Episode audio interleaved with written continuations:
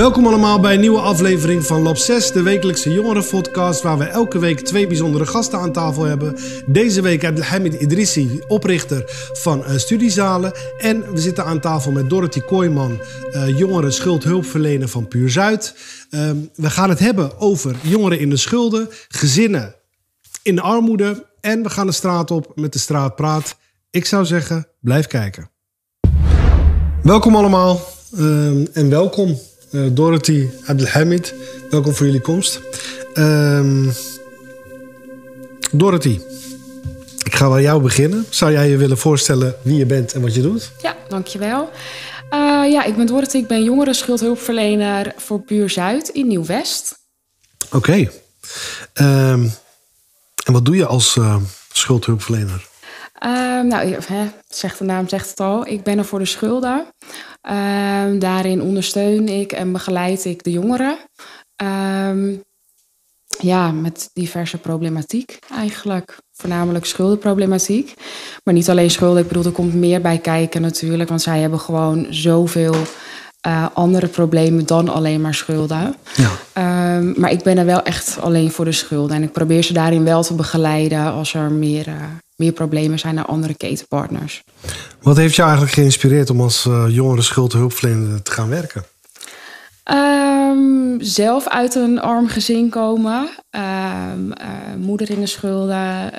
ik wist echt niet wat het allemaal inhield vroeger. Uh, en ik vind het fijn dat ik nu jongeren kan helpen om het op een Jip en Janneke taal uit te leggen. Ja. Wat je zou, hè, wat, hoe, je, hoe je dingen kan doen en aanpakken.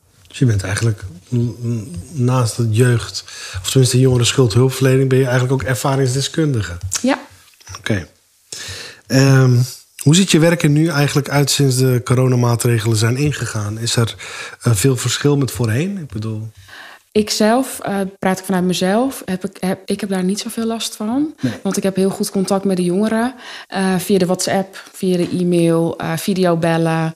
Um, dat ik ze niet kan zien is voor mij en voor de jongeren niet een reden om dan niet verder te gaan in het traject. Nee. Dus dan doen we het gewoon via videobellen. En als ze dat niet prettig vinden, gewoon per telefoon. Ja, is iedereen ook wel via videobellen te, te bereiken als? Bedoel... Um, ja, je zou zeggen dat het nu makkelijker is. Hè? Dat van, nou ja, pak je telefoon op. Um, de ene keer wel, de andere keer niet. Dus dat verschilt denk ik ook een beetje per jongere. Maar vooralsnog, bij mij gaat het wel goed. Oké. Okay. Kan ze goed bereiken in ieder geval. En um, ik bedoel, hoe, hoe ziet je werk er dan normaal uit? Ik bedoel, je hebt ze natuurlijk meestal fysiek over de vloer. Ja. Uh, je maakt een plan met ze. Ja. Krijg je nu ook bijvoorbeeld nieuwe aanmeldingen? Uh, ja, we hebben het eigenlijk wel druk. Ja? Dat is heel gek, ja. We hebben het gewoon uh, uh, drukker dan vorig jaar. Okay. Waar dat nou aan ligt, dat weten we zelf ook niet helemaal. Misschien jongeren die uh, meer in de schulden raken. Ja, um, ja we, durven dat, we, we kunnen dat zelf ook niet echt zeggen. Nee, ja, ik las net een stuk over uh, dat er 13.000 uh, stagiaires en leertrajecten eigenlijk op de schop zijn gegaan. En dat er dus 13.000 plekken uh, nog gezocht worden. Dat, dat er zoveel problematiek is wat betreft het zoeken naar een leerplek of uh, ja, in principe ook gewoon werk. Want er zijn natuurlijk jongeren die vier dagen in de week moeten werken. en één, dag, ja, ja, en één dag naar school. Dus um, krijgen jullie daar ook veel aanmeldingen van? Nou, ik zelf heb voornamelijk cliënten die in de uitkering zitten. Okay. Dus dat gaat gewoon door. Ja. Um, uh, ik heb één cliënt die heeft wel wat moeite met een stageplek. Maar dat is inmiddels ook opgelost. Um, dus zij mag daar wel gewoon stage lopen. Wel met anderhalve meter en um, uh, klachtenvrij. Maar ik kan je dus niet vertellen hoe dat precies zit met die stageplekken. Omdat mijn jongeren in mijn caseload voornamelijk een uitkering hebben. Ja, duidelijk. Um, welke signalen zijn eigenlijk. Ja, welke signalen komen nu bij jou binnen? Als er nieuwe aanmeldingen zijn? Zijn het uh, veel jongeren die hun baantje kwijt zijn geraakt? Of uh, ja, je geeft het net natuurlijk al aan, jongeren met een, met een uitkering. Maar zitten daar ook jongeren tussen die nu geen werk meer hebben? En hun schulden niet kunnen betalen? Nou, het is voornamelijk de jongeren die nu, ja, die, waarvan ik nu merk dat er naast de schulden meer speelt dan alleen de schulden. Dus het lijkt wel alsof de problematiek heftiger wordt. Ja. Ehm, dus niet alleen de schulden, maar ook een thuissituatie of geen huis. Ik bedoel, de woningmarkt in Amsterdam is natuurlijk ook. Ehm, het is voor hen heel lastig om een woning te krijgen. Dus dat speelt ook allemaal mee. Dus het is niet zozeer een inkomen. Ehm, maar het is wel echt huisvesting of een thuissituatie, psychische problemen, verslavingen, ja. LVB. Is, is de vraag anders dan bijvoorbeeld vorig jaar? Of kom je wel hetzelfde tegen? Nou, ik heb wel het idee dat de problematiek, wat ik al eerder zei, heftiger is. Uh, en ik kan nou niet zeggen of dat vorig jaar ook zo was of is. Um, nee, dat, dat, nee. Voor mij is het nog steeds een beetje hetzelfde gebleven. Laat ik het daarop houden. En door welke omstandigheden komen jongeren van deze generatie in de schulden? Ja, het is tegenwoordig wel heel makkelijk om, um, om dingen. Je kan nog steeds dingen op afbetaling doen. Hè? Dus je kan bij de Weekamp, bij de Mediamarkt. Um, ja, een telefoonabonnement. Uh, als je 18 bent, dan gaat de wereld voor je open. Zou ik maar zeggen. Uh, dat is eigenlijk wat er, wat er meespeelt. Ja, en, en, en Makkelijk die, geld. Uh... En die thuissituatie van jongeren. Ja. Um, wat zien jullie daarin? Zit, zitten de ouders bijvoorbeeld ook in de schulden? Of zijn er andere problemen? Ja, vaak zitten ouders ook in de schulden. Um, als ik dan kijk naar mijn eigen caseload. Um, ja, of het zijn kinderen die uit een pleeggezin komen. Die, die worden 18 en ja, voor mijn gevoel, hoe ik het dan zie, aan hun lot overgelaten. Uh, andere problemen zijn, ze hebben het niet meegekregen vanuit huis. Ze weten niet dat als ze 18 zijn, uh, dat ze een, um, een, zorgverzekering moeten betalen. Dat ze zorgtoeslag kunnen aanvragen. Um, ja, dat. Wat ik vorig jaar uh, veel meemaakte, is dat jongeren ehm, zich gingen, gingen proeven van, het, van, de, van de water pijpen, uh, de shisha-lounges. En um, dat wordt heel snel een verslaving. Ja. En dan gaan ze meer willen werken om aan die verslavingen te voldoen, om er ook bij te horen. Dan gaat de kosten weer van de school. Uh, en dan weer geld lenen van anderen om weer ja. uh, zo'n ding te, te, kopen. Ja. en ook dan zag ik dat er heel veel jongeren heel snel bij ook leeftijdsgenoten in, in, de, in, de, in de schulden raakten. Ja.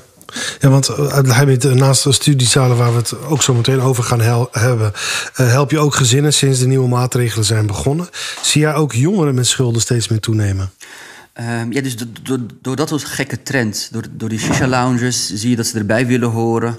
En, um, en, en, en tegenwoordig, als je geen.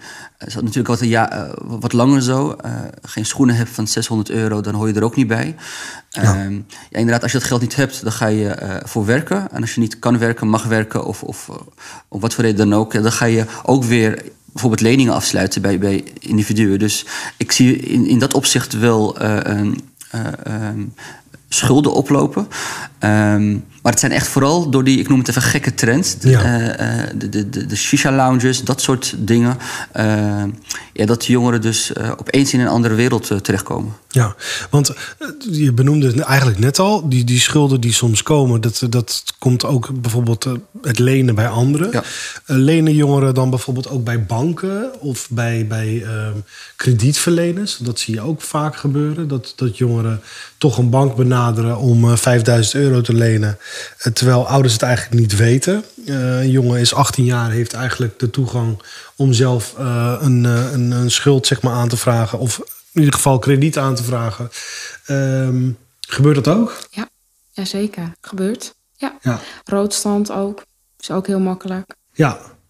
Ro roodstaan kan tot... Ja, wat je wil. Je kan 500 aanvragen. Je kan 1000 aanvragen. Zo. Dus het, is heel, het is allemaal heel toegankelijk. En alles gaat tegenwoordig veel al online. Ja. Dus het is, uh, het is heel makkelijk uh, ja, geld lenen eigenlijk. Ja. Um, schulden maken, dat is eigenlijk heel makkelijk. Hoe hoog zijn de schulden gemiddeld als je kijkt naar je eigen caseload? Uh, en waar, waar bestaan die schulden dan vaak uit? Um, als ik kijk naar mijn eigen caseload, dan is de gemiddelde schuldenlast wel om en nabij, denk 10.000 euro gemiddeld. Hè? Want ik bedoel, we hebben ook hoger, we hebben ook lager. Uh, dan kan je denken aan de Belastingdienst, okay. uh, eh, CEIB, CEB's voor boetes, verkeersovertredingen. Maar ook schadevergoedingsmaatregelen. Ehm, dus een niet saneerbare vordering bijvoorbeeld. Hè. Je hebt iemand mishandeld en je moet een schadevergoeding betalen. Um, ziektekosten. Dus de zorgverzekering gewoon niet betaald, nooit betaald. Ja. Um, Als ik denk aan belasting, hè, waar, waar moet ik dan aan denken? Uh, zorgtoeslag. Dus uh, uh, bijvoorbeeld onterecht zorgtoeslag ontvangen, wat je moet terugbetalen. denk aan ZZP'ers die geen inkomstenbelasting hebben gedaan. Dan krijg je een aanslag dat je heel veel geld moet betalen. Terwijl als je dat gewoon goed invult, dan gaat dat bedrag naar beneden. Ja. Uh, ja, denk aan dat soort dingen. zijn vaak schattingen dan die uh, worden opgelegd. Klopt. Ja, wat, wat ik heb ontdekt, dat was toen een, een vader van een van onze leerlingen uh, zijn gaan helpen met die schulden. Toen merkte je dat je eigenlijk voor alles wel een regeling kan, ja. kan, kan, kan ja. afstemmen. Totdat je bij de belasting komt en dan de motorrijtuigenbelasting. Uh, daar valt dus geen deal mee te maken. Nee. Punt uit. Dus, dus noods gaan ze je huis leegtrekken. Uh, alles valt te regelen, behalve dus die, dat, dat type belasting. En daar schrok ik van. Ja, ja um, loopt daar ook tegenaan. En um, ja, dat is natuurlijk iets wat, wat ik denk vanuit de overheid moet worden getackeld. Want dat vind ik te belachelijk ja. voor woorden. Dan is alles is dan behoorlijk geregeld. Ja. En dan kom je op dat puntje en dan ja. uh, word je... Eens. Ja. Ja, ik, in, in justitiële boetes, want we hebben het natuurlijk nu over CEIB, maar um, om een voorbeeld te geven. Er zijn jongeren die worden gebruikt als kattenvanger om wiet te kweken ja, uh, op hun kamers ja. of een, een, een huisje. Ja. Um, wat gebeurt er dan? Een jongen wordt gebruikt om uh, drie, vier jaar uh, in zijn huis te kweken. Er wordt een inval gedaan. Ja. Um, de meter wordt afgenomen. In ieder geval, hij moet het huis uit. Um, krijgt ook nog eens een boete van de woningcorporatie. Ja. Maar daarnaast heeft hij ook een, een boete die hij moet betalen, uh, justitieel, omdat hij misschien niet wil meewerken of misschien wel mee wil werken, maar hij wil het niet toegeven van wie het is. En wordt uiteindelijk beboet met uh, bijna een ton. Ja, dat noemen we dan een, laten we zeggen, niet saneerbare vordering. Ja. Dus dat is dan uh, wat ik je net zei, hè, dat houdt eigenlijk in dat voordat we in een bepaald traject kunnen werken met schulden, moet eerst die weg zijn. Ja. Er zijn um, ja, een aantal uitzonderingen. Maar um, die uitzonderingen zijn... Ja, iemand moet onder bewind staan. Iemand moet al aflossen op de niet saneerbare vordering. Ja. Uh, en dan kan er een kleine uitzondering gemaakt worden. Dat zou kunnen. Dat je dus wel een bepaald traject ingaat. Maar 9 van de 10 keer is het zo... dat een niet saneerbare vordering... Uh, als het een niet saneerbare vordering is... Um, die moet eerst uh, opgelost worden. En dan ja, kunnen we want die, die kunnen eigenlijk alleen verjaren. Ja. Dat soort vorderingen. Ja. Um, maar wat je vaak ziet is dat, nou, ik benoemde het eigenlijk net ook al, uh, de meeste in je casus, die, of tenminste de, de, de casuïstieken die je hebt, dat zijn voornamelijk jongeren uh, met, met een uitkering. Ja. Um, vaak hebben hun ouders soms ook wel eens een uitkering, om het Ja. zo te zeggen. Dan wonen ze nog thuis. Uh, dan wonen ze thuis. Moeder wordt al ingekort omdat ze ook een uitkering heeft. Omdat Ja. haar zoon ook een uitkering Ja. heeft. Maar omdat hij thuis wonend is, heeft hij bijvoorbeeld maar 400 euro in de maand te besteden. Maar hij heeft wel een, een schuld opgebouwd van 80.000 euro. Ja. Hoe gaat hij dat dan kunnen betalen? Ik bedoel, ehm, je hebt 400 euro, er moet nog een zorgverzekering van betaald worden. Telefoonabonnement Eh, misschien, telefoonabonnement. Spotify. Ja, ja, precies. Dus je, je, je houdt werkelijk niks over. Nee, je duwt klopt. eigenlijk een jongere eigenlijk goed in de hoek. Ja. Ik bedoel, gaan jullie die gesprekken ook aan met, met overheidsinstanties of met Ja, ja, dat, ja, zeker. Ik heb nu een jongere in een vergelijkbare situatie. Eh, ook een niet saneerbare vordering. Ik zal verder niet uitweiden wat dat Nee, eh, inhoudt. Ehm, ehm, ik ga toch proberen om een oplossing voor hem te zoeken, te vinden. En daarbij heb ik wel gezegd eh, eh, tegen het CIB van nou weet je, hij kan een regeling treffen van 12,50 euro per maand. Het is misschien niet veel, maar dit is wat hij kan betalen. Daar zijn ze mee akkoord gegaan. En we zijn dus nu aan het kijken of ehm, ehm, de kredietbank Amsterdam, de gemeentelijke kredietbank Amsterdam, of hij daar wordt toegelaten, ondanks dat hij de niet saneerbare vordering heeft. Ja. Dat is, eh, dus er wordt wel echt naar gekeken. Ja, zeker. Maar is het dan ook echt maatwerk of is het echt gewoon van... Nou, het hangt, dus, eh, het hangt dus wel samen met die voorwaarden die ik je net eh, gaf. Dus je moet onder bewind staan. Je moet aflossen op je, op je boete, op je niet saneerbare vordering. En ehm, er is nog een voorwaarde, die weet ik even niet uit mijn hoofd. Het zijn er drie. Ehm, maar in ieder geval, als je daaraan voldoet, dan kan er een kans zijn dat je nog in het traject van de kredietbank, hè, de gemeentekredietbank, ja. sanderingskrediet uh, mee mag. Ja, want als ik denk aan, aan jeugd uh, schuldhulpverlening, is dat vanaf 18 jaar of is dat al vanaf jonger? Wij doen vanaf 18 tot en met 27 jaar. Ja. En krijgen jullie ook soms jongeren binnen die uh, 16 zijn? Nee. Dat toch niet? Nee. Omdat het officieel nog niet uh, nee, wij krijgen die aanmeldingen ook niet binnen. Nee, maar het is heel apart, want je hebt natuurlijk jongeren die een, een, een scootertje kunnen rijden. Ja. Nou, uh, die benoemde het net, uh, motorrij, ja. mo voertuigenbelasting, laat ik het ja. zo stellen. Um, er zijn jongeren die dat gewoon niet betalen. Hè? Die zeggen tegen hun ouders, ik betaal het wel, maar die betaalt het niet. Ja. ondertussen loopt het op.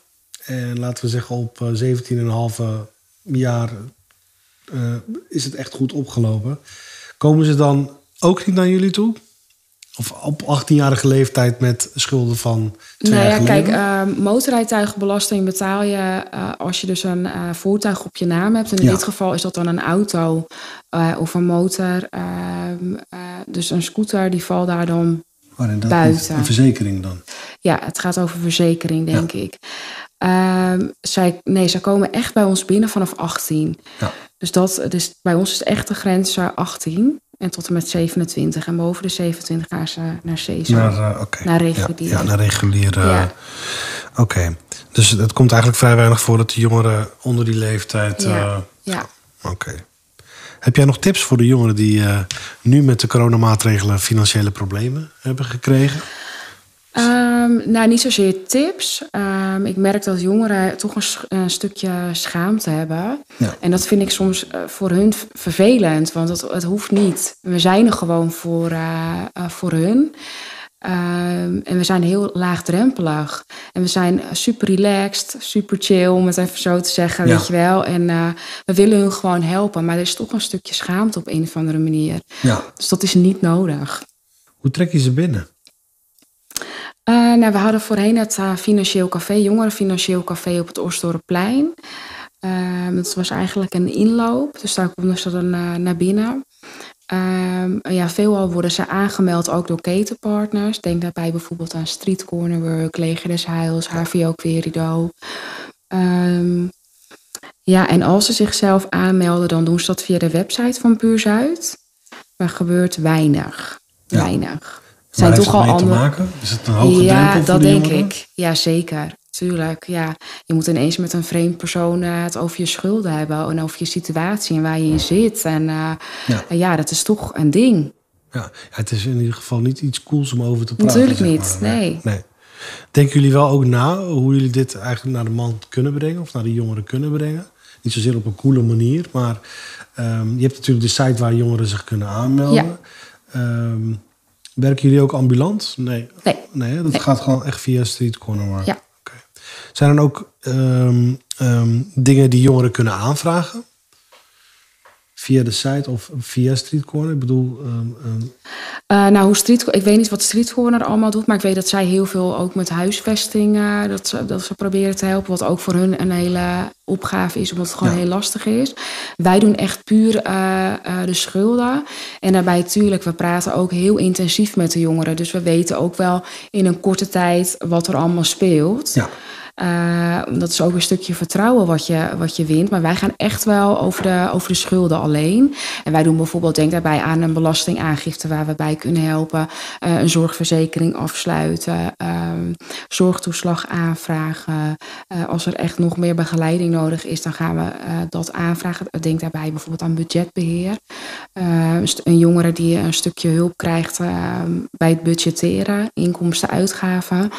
Uh, dat is iets anders dan bewindvoering. Want een jongere denkt heel vaak van... Oh, oh, ik wil niet onder bewind. Maar dan zeg ik nee, het is geen bewind. Het is echt budgetbeheer. Het is vrijblijvend.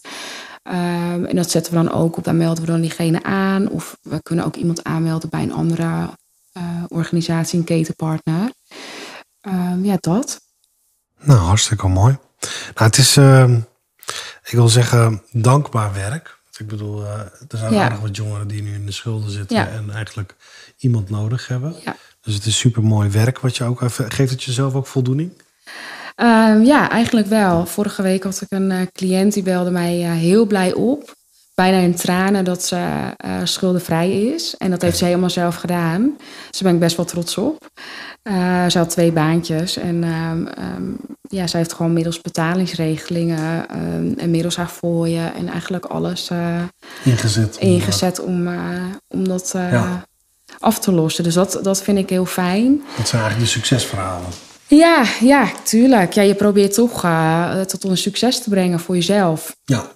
En verder, uh, ja, je bouwt een band op met een cliënt. Dus ze delen ook gewoon dingen met je. Ja, uh, ja een meisje die heeft een, een cliënt die heeft een, een, nieuw huisje, super trots. Laat met videobellen zien ja, hoe het huisje eruit ziet. nieuw interieur, of nou ja, ja, aangeschafte spulletjes. Dus ja, dat is gewoon, dat is fijn. Ja, zeggen ze dan ook wel eens van ik, ik ga nooit meer de schulden in? Uh, ja, als ze echt op dat punt zijn gekomen uh, voor gedragsverandering, want daar begint het. Hè, het gedrag moet echt uh, wel veranderen. Dan, dan zeggen ze echt van ja, ik wil, ik wil echt geen schulden meer. Ik wil, ik, dit wil ik niet voor mijn toekomst. Nee. Dus ja, dat wel. Ja. Nee, ik, ik begrijp het zeker dat het een opluchting kan zijn. Ik, ja, ik dank je voor. Gedaan voor de informatie. En uh, we gaan nu over naar de straat Praat. En we gaan de jongeren vragen naar hun mening over schulden en armoede. Wat zie je in je omgeving als het gaat om armoede en schulden? Uh, ik zie in mijn omgeving dat er um, veel armoede is. Uh, dat kan ik zien bijvoorbeeld aan de mensen. Die, zit, die zien er meer onverzorgd uit dan andere wijken. En de auto's zijn uh, vaak ouderwets. En um, als ik in nieuwe andere wijken ben, dan zie ik wel dat ze duurder zijn. En dat valt me wel op. Ik zie uh, in mijn omgeving zie ik uh, best wel wat mensen die in de armoede, die in armoede leven en die, die, niet, die, niet, die niet altijd rondkomen. En ik ken ook wel een paar mensen die in de schuld zitten, maar die ermee geholpen worden. Als het gaat om armoede en schulden in mijn omgeving, zie ik veel jongeren die bijvoorbeeld rood staan, jongeren die kleding halen op afbetaling. Um, sowieso een studieschuld. Uh, of, ze, of ze hebben een studieschuld en dan maken ze hun school niet af. Dat, dat zie ik meestal in mijn omgeving. Welke schulden komen het meest voor bij jongeren? Ik denk dat ze het meeste schulden maken in uh, kleding of auto's kopen, huis, uh, hypotheek, dat soort dingen. Dat de jongeren meer schulden maken in uh, veel diversere dingen. Dan kan je denken aan uh, gokken, want vooral als de jongeren 18 zijn, gaan ze nieuwe dingen doen. Dan gaan ze bijvoorbeeld gokken of uh, softdrugs. Dan zie ik wel veel jongeren eh, in de coffeeshops een joint halen of dergelijke. Of drank. Vooral drank. Want je hebt veel feestjes elke week en dan gaan ze hun geld spenderen aan drank. Ik denk aan kleding, drank, drugs soort dingen. Ben je bekend met de jongeren schuldhulpverlening? Ja, ik ben bekend met de jongeren schuldhulpverlening, een aantal organisaties in Amsterdam. Ik ben niet bekend met de jongeren in de schuldhulpverlening. Uh, of ik er bekend mee ben? Um, ja, ik heb een vriend toevallig.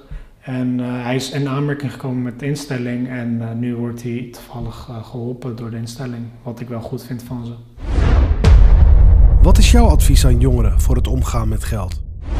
Mijn advies aan jongeren uh, voor het omgaan met geld is, uh, nou ja, werk voor je geld in ieder geval. Ga geen uh, rare dingen doen om aan geld te komen, dat is één. Twee, en koop gewoon wat je kan kopen en ga niet dingen op afbetaling kopen, want uiteindelijk krijg je daar heel veel schulden van. Zorg gewoon voor dat je niet in de min gaat staan. Mijn advies dat is dat ze heel bewust moeten zijn met hun geld. Want um, veel jongeren maken de fout om het roekloos te spenderen aan onnodige dingen. Maar wat ik ze adviseer is dat ze hunzelf moeten afvragen of het het waard is. Moet je je geld spenderen aan drank of aan drugs? Het kan wel, maar niet zoveel. Dus wat ik zou zeggen is, al werk je of al krijg je studiefinanciering maak voor jezelf een budget en de rest moet je gewoon sparen. Want dat ga je later heel erg nodig hebben in de toekomst. Verdien je geld eerlijk, werk er hard voor en gebruik het, gebruik het op de goede manier. Welkom terug allemaal. Dat was de Straatpraat. Um, interessant om de jongeren over de schulden en armoede te horen praten. Um, we gaan nu over naar Abdelhamid uh, Idrissi, uh, oprichter van uh, studiezalen, medeoprichter van TechGrounds en Positive Society. Um, Abdelhamid, zou jij willen vertellen wat jij doet? Yes. Het begon allemaal bij studiezalen. Ja. Um, daar heb ik nu ruim negen jaar de tijd genomen om te onderzoeken wat is er nodig om een kind verder te helpen, om, om die fijne nachtrust te creëren. En ik merkte en ik zag dat, um, uh, dat onderwijs een belangrijk uh, deel is, maar ook die persoonlijke ontwikkeling, uh, het geloof in eigen kunnen en noem het maar op. En aan de hand van die ervaringen ontwikkelen we weer nieuwe projecten, zoals een initiatief over het gaat over kinderen die gepest worden, om ze daar uit die situatie te, te, te halen. Um, ja, en dus sinds uh, ongeveer een half jaar uh, Tegrans opgericht, samen met Ruben en Victor, waarbij um, we de broers en zussen van de kinderen die we hebben, maar ook de ouders en het netwerk aan een baan helpen binnen de IT, omdat er enorm veel banen mogelijk beschikbaar ja. zijn. En bedrijven zoeken naar die talenten. En die hebben we natuurlijk hier ook in al deze mooie wijken.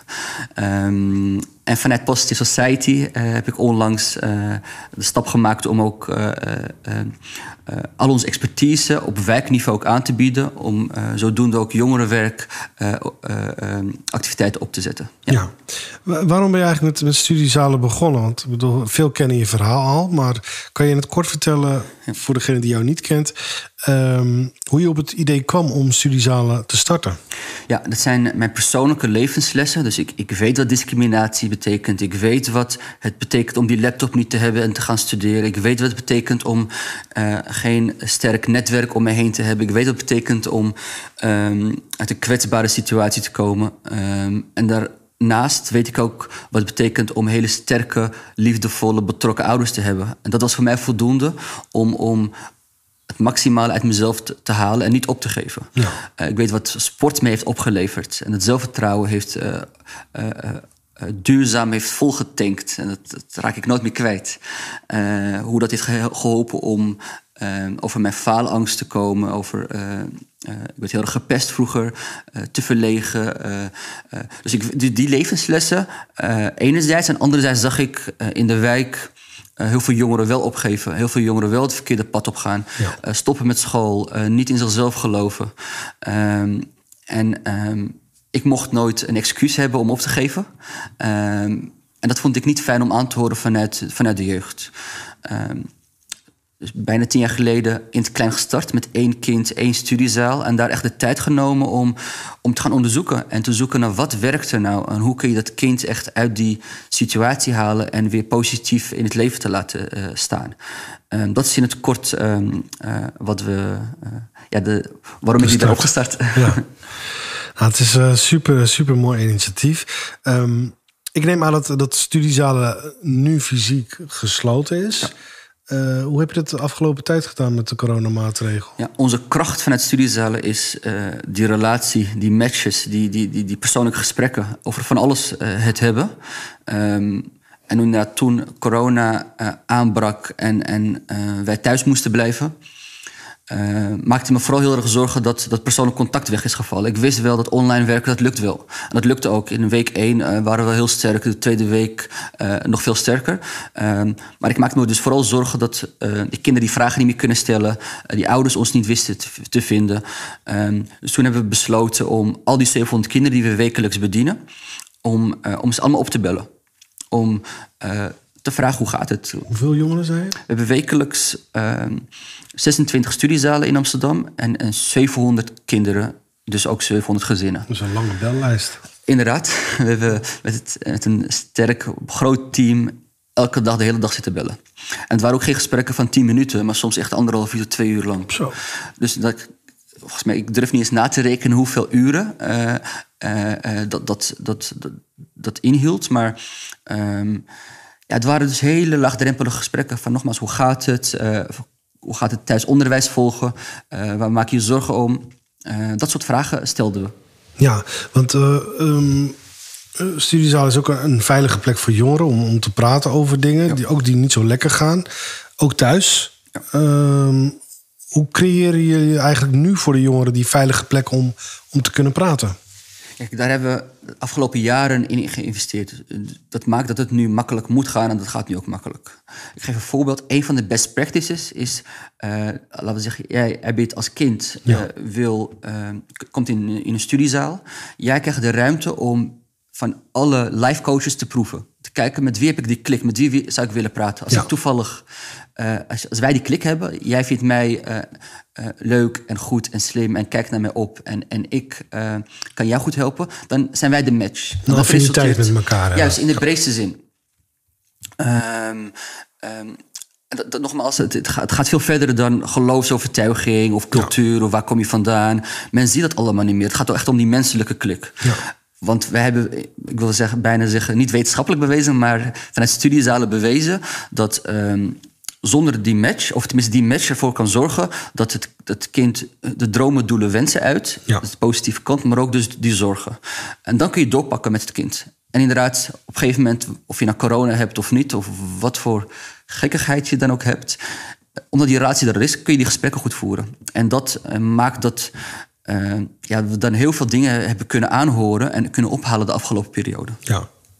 En um, wat zijn de belangrijkste signalen geweest die je hebt uh, opgevangen tijdens deze coronacrisis? Um, allereerst stelden we de vraag van hoe, hoe gaat het dus? Mm -hmm. maar we wisten ook, we hebben ook uh, een groot deel kwetsbare gezinnen. Niet iedereen vanuit studiezalen is arm of, of, of, of, of of, of, of heeft schulden of wat voor manier dan ook zorgen. Uh, maar degene die, die wel hebben, die zorgen, die willen we wel bereiken. En dat, dat, maakt dat we het heel algemeen houden. Het zijn kwetsbare gezinnen uh, die we dan willen bereiken. Dus we begonnen bij de eerste gesprekken. Van hoe gaat het thuis? Uh, heb je boodschappen nodig? Hebben jullie genoeg laptops? En eigenlijk was het continu, het gaat goed, we hebben niets nodig, alles is goed. Ja. En sommige gezinnen wisten we dat het niet klopt. Uh, toen hebben we de vraag anders geformuleerd. Van, kent u gezinnen die het moeilijk hebben? Ken je gezinnen die geen internet hebben of geen laptop hebben? En toen werden we overspoeld. Dag en nacht gingen, ja. gingen telefoontjes door. Um, en toen hoorden we dus hoeveel gezinnen nu in de knel komen dat ze geen boodschappen kunnen, kunnen, kunnen, kunnen aanschaffen. Uh, omdat ze veel monden moeten voeden. Ja. Uh, dat kinderen geen, of thuis, thuis geen internet hebben. Heeft het te maken omdat mensen ook geen werk meer hebben? Of uh, waar heeft het mee te maken? Van de week kwam een, een gezin tegen die al twee jaar geen, geen koelkast heeft. Maar omdat, omdat je nu echt door gaat vragen, omdat je wil weten of wat er speelt, dan komt dit toevallig naar boven. Dus sommige dingen liepen al. En sommige mensen, gezinnen leefden al op het randje. En dan als klusjes wegvallen, ja, dan verdrink je heel snel in, ja. in de lasten. Herken je dit, uh, Dorothy? Ja. ja, zeker wel. Ja. ja? Bij, uh, en dan is het voornamelijk de ouders van een cliënt. Hè? Want ik bedoel, wij hebben dan een Precies. cliënt en dan is het vaak de ouders. Ja. Die, uh, ja, Hey, maar jij bent uh, uh, nu met de coronacrisis los van studiezalen. Ben je ook aan de slag gegaan met iets anders, uh, heb ik begrepen? Ja. Ja, we hebben het initiatief samen met de Rabobank en uh, dus Erik Traan, Barbara Brasa van de Rabobank en Ruben van Nieuwenhuis van de Amsterdam Economic Board. hebben het initiatief Boeren voor Buren opgezet. Ja. Ehm, ik weet nog heel goed dat volgens mij in week 1 coronacrisis uh, bood een bewoner hier uit de wijk aan om 18 tassen boodschappen te leveren bij ons. En dat uh, waren, uh, de inhoud daarvan was heel divers. Dingen waar ik niet eens aan, zo snel aan denk. Van pasta tot aan tandpasta en, en maandverband. Um, binnen 10 minuten hadden we alle tassen al bij een gezin kunnen plaatsen, kunnen afleveren. dus toen wist ik weer hoe, hoe, hoe makkelijk we die, die, die, die vraag en behoefte kunnen bijeenbrengen. Ja. Um, op een gegeven moment heb ik dat op, uh, op LinkedIn geplaatst. Uh, ben ik benaderd door dus de Rabobank. Uh, en en de, vooral de vraag vond ik heel bijzonder. Dus dat een bedrijf mij de vraag stelt... Um, laat weten wat we kunnen betekenen voor die gezinnen. Ja. Zet ons in. Um, en toen stelden ze ook voor om voedselpakketten te komen leveren. Nou, binnen een week hadden we 100 voedselpakketten. Vanuit de Rabobank? Vanuit de Rabobank is dat uh, um, inderdaad aangeboden. Natuurlijk hebben we dat aange aangepakt. Um, en uh, ik ben nog heel goed, uh, waren we mij op kantoor, de gezinnen kwamen het ophalen. De Rabobank had het ook geleverd. toen raakten we aan de praat. Um, toen had ik het weer over die schrijnende gevallen die ik zie. Die moeders met, alleenstaande moeders met vijf kinderen, met baby's die geen babyvoeding kunnen aanschaffen, geen luiers. Nou, die hele moeilijke verhalen waar, waar echt iedereen wakker van, van ligt. Ja. Um, maar vooral die eerste levensbehoeften, dat ze geen, niet voldoende boodschappen hebben, eten. Ehm, ja, daar schrok ook uh, Erik van. En, uh, en hij wist toevallig ook uh, dat boeren nu miljarden kilo's aan aardappelen Ja. en groente en fruit ja. niet, niet kwijt kunnen. Zelfs geen veevoer van kan worden gemaakt. Uh, ik weet dat de Rabobank al langer bezig is met die korte voedselketens. Dus ze kenden al, al, al, al die boeren. Dus dat hele wereldje kennen ze al goed. En dat hebben we samen laten komen. Dus enerzijds... Uh, dus de korte klap noemen we het nu. dus drie maanden lang Inmiddels zitten we op 250 gezinnen die elke twee weken echt 23 kilo groente en fruit krijgen. Om even te ontstressen, even te, ventileren. Maar anderzijds zijn we nu de gesprek aan het voeren om vanaf binnenkort, heel snel, volgens mij al over drie weken, gezinnen met een stadspas, dat ja. zij dan voor heel weinig geld, voor heel veel korting, goed, vers, gezond voedsel kunnen krijgen, rechtstreeks van de boer. Um, dat is een super initiatief. Ja, inderdaad. Dus we denken dus in deze, deze urgente periode, maar tegelijkertijd ook, ook vanaf binnenkort. Ja. Um, ja, en dan zie je hoe, hoe, hoe ontzettend. Um, enerzijds hoe, hoe we het in Nederland nog lang niet voor elkaar hebben. Dat nee. we zoveel schrijnende gevallen hebben, dan, dan klopt het gewoon echt nog niet. Uh, ik durf bijna die vraag niet meer te stellen aan de gezinnen. Van of jij een ander gezin kent die het moeilijk heeft. Want elke gezin die ik dat vraag, krijgen we tien makkelijk bij. Ja. Dus op een gegeven moment zie je dat dat, dat heel moeilijk gaat. Of, of dat het heel ingewikkeld is. Um, maar nogmaals, nu zie je de waardering, die, die blijheid van die kinderen uh, die, die, die, die dat krijgen. En dat is ja. heel, heel fijn om ze op die manier te helpen. Maar aan de andere kant, nogmaals, we schrikken wel van de aantallen. Dat het nog ja. veel urgenter is dan we al zien. Allemaal, allemaal denk, denk je dat die aantallen er eigenlijk al waren voor de coronacrisis? Of is dat echt alleen maar ja. um, vermeerderd met de coronacrisis? Ik denk dat het vermeerderd is nu. Um, want ik weet ook bijvoorbeeld dat jongeren soms een bijbaantje hebben om ook hun ouders te helpen. Ook dat is weggevallen. Ja. Inderdaad, financieel te ondersteunen. Uh, jongeren die ook helpen bij de schulden van hun ouders. Dus dat wisten we al, dat weten we. En ook die kinderen hebben soms nu geen baantje meer. Ja. Uh, gezinnen die al op het randje leefden, nogmaals, die, die, die, die soms oppasten en, en daar wat voor kregen financieel. Dat is allemaal weggevallen. Um, dus, maar nogmaals, ik denk echt dat corona het allemaal heeft verzwaard. Maar anderzijds ook het beter inzichtelijk maakt ja. voor iedereen. Want dit wisten wij wel. Jij en ik wisten dat wel. Ja. Dat geldt ook voor jou natuurlijk. Uh, maar nu zie je dat uh, Amsterdam, dat, dat Nederland uh, niet veel meer hoort en ziet. En dat is denk ik wel heel belangrijk. Krijg je ook jongeren?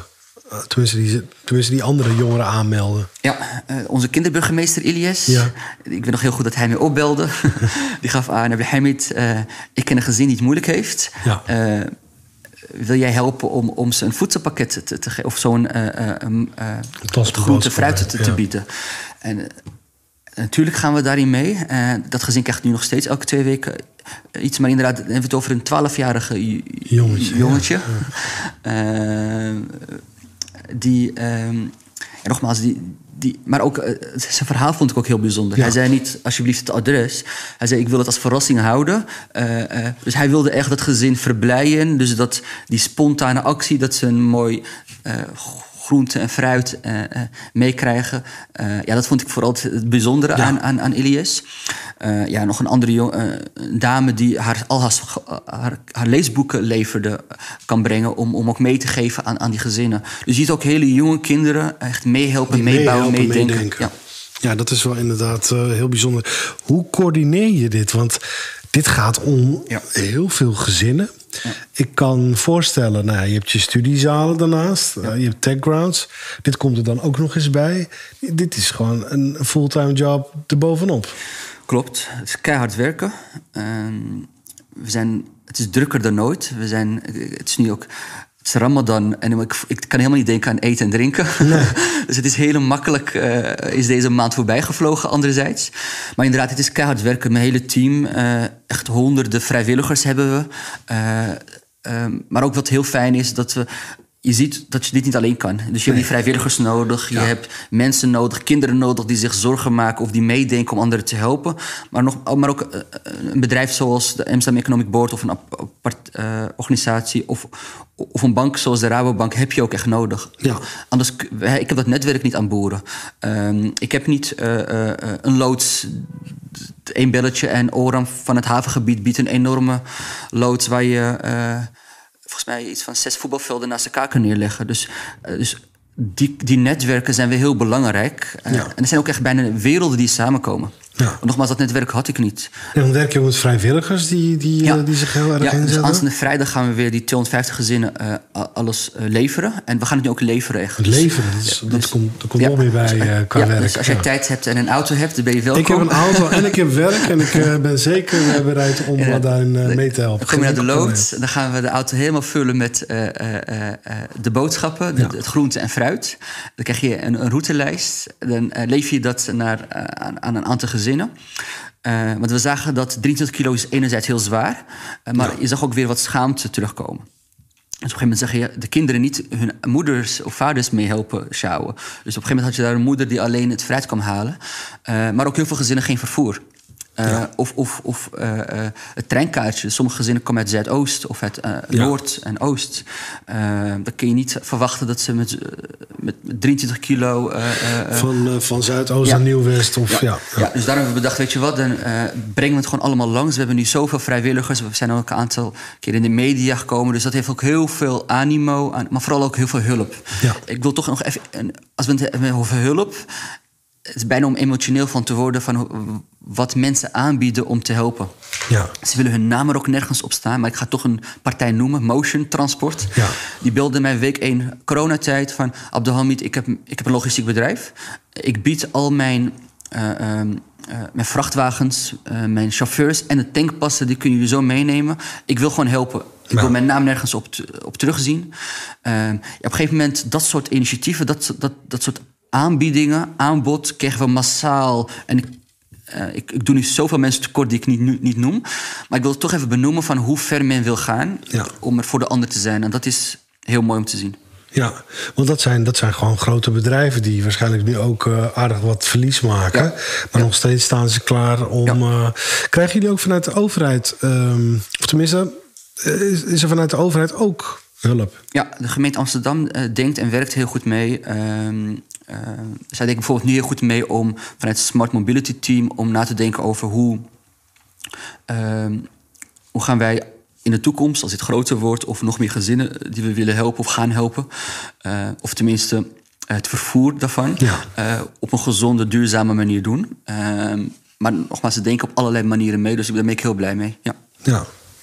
Ja, super. Ik, eh, ja, ik eh, ben echt onder de indruk van het werk wat je doet en wat je eigenlijk allemaal verricht. Ehm, Dankjewel.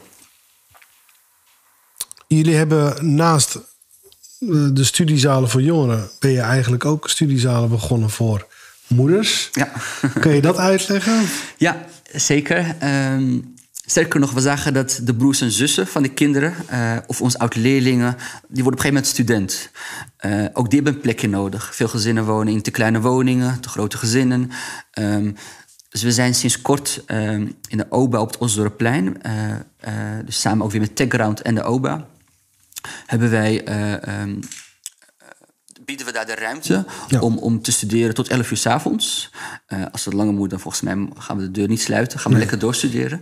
Eh, maar ook om te leren, ook om te netwerken. Dat, dat studenten elkaar ontmoeten, eh, samenwerken. Dus dat zijn we een half jaar geleden gestart. Eh vandaar kregen we ook heel veel vragen van moeders en vaders. Ook die wilden een studiezaal. Ja. Ehm, dan zou je denken, wat, zouden, wat willen ze? En het geldt voor elke ouder is dat anders. De een wil Engels leren. Nou, dat gaan we gewoon regelen. Eh, en we hadden ook een moeder die aangaf... eh, ik ga naar de supermarkt, maar ik kan geen kortingen rekenen. Dus ik zie mooi twee halen, eh, één betalen... of tweede gratis, drie halen, twee betalen... of 30% korting. Ik kan het niet berekenen. Kunnen jullie mij daarbij helpen? En natuurlijk gaan we dat dan doen. Op een gegeven moment zagen we dat steeds meer...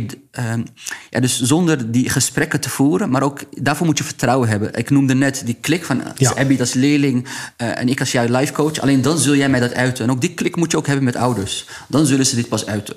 Ja. Uh, en dat vertrouwen we ook van heel veel ouders. En dan hoor je dit soort behoeften en wensen. Um, en dan kun je ook inderdaad op deze manier ouders versterken in de breedste zin. Um, er is een vader die, die, die, uh, die net een, een schoonmaakbedrijf had starten vlak voor corona. En dat is net op het verkeerde moment helaas. Uh, die wil niet met andere vaders in contact komen om hun netwerk uh, te, te, te, uh, in te laten zetten. En inderdaad wellicht dat dat voor klussen kan, kan, kan, zorgen, opdrachten kan zorgen. En ook dat is dan een studie voor vaders bijvoorbeeld. Die dat, dan kunnen ze elkaar ook helpen. Weet je ook studiezalen voor, voor vaders? Ja, we willen die twee lijnen gaan, gaan inzetten. inzetten. Um, en waarom vaders en moeders apart? Kijk, soms ga je, worden ook wat gevoeligheden besproken. Ja. wat persoonlijke dingen. Um, zo kun je ook die netwerken versterken. En, en dat, dat uh, zal volgens mij heel goed werken. Heb je ook een diversiteit aan, aan, aan mensen die over de vloer komen? Ja, dat is heel erg afhankelijk van de wijk. Uh, ja. Bijvoorbeeld in Noord heb je uh, een studiezaal waar heel veel kinderen komen van, van Nederlands komaf. Ja. omdat dat de afspiegeling is van dat wijkje toevallig. Ja. Maar ook eigenlijk weer een heel kwetsbare wijk is. Dus ik noem heel bewust kwetsbare wijk, kwetsbare gezinnen. En het zijn alles is dan ook in huis. Uh, we gaan niet, niet labelen op, op, op Marokkaans, Turk, Somalisch nee, of wat dan ook. Nee, iedereen is welkom. Uh, maar je ziet wel, in sommige wijken is het voornamelijk een bepaalde doelgroep. En dat is nogmaals afspiegeling van die toevallig die flatgebouwen. Ja. Uh, en dat proberen we wel te compenseren, of dat hebben we heel goed gecompenseerd door een heel divers team te hebben. Dus als jij weinig in contact komt met iemand van Zuid-Amerikaans komaf of iemand met een andere geloofsovertuiging, die, die, die, die connecties, die, die contactmomenten, die vinden we wel belangrijk. En dan verbreed je ook weer je wereld. Nou, ik wens je uh, ja, heel veel succes. En uh, ja, ik, uh, ik zou ook zeggen voor de mensen thuis die dit kijken, waar kunnen zij zich aanmelden als vrijwilliger? Uh, via studiezalen.com uh, um, is iedereen welkom om, om betrokken te raken. Uh, zeker. Ja. Welkom. Nou, super. Nou, dank, je. dank beiden. ik vond het echt een super mooi gesprek. En jullie doen ook allebei iets heel bijzonders. nogmaals dank. ik wil jullie thuis ook bedanken voor het, voor het kijken naar de uitzending. of het beluisteren van de uitzending. Um, dit was Lab 6. Mijn naam is Abitounsi en tot volgende week.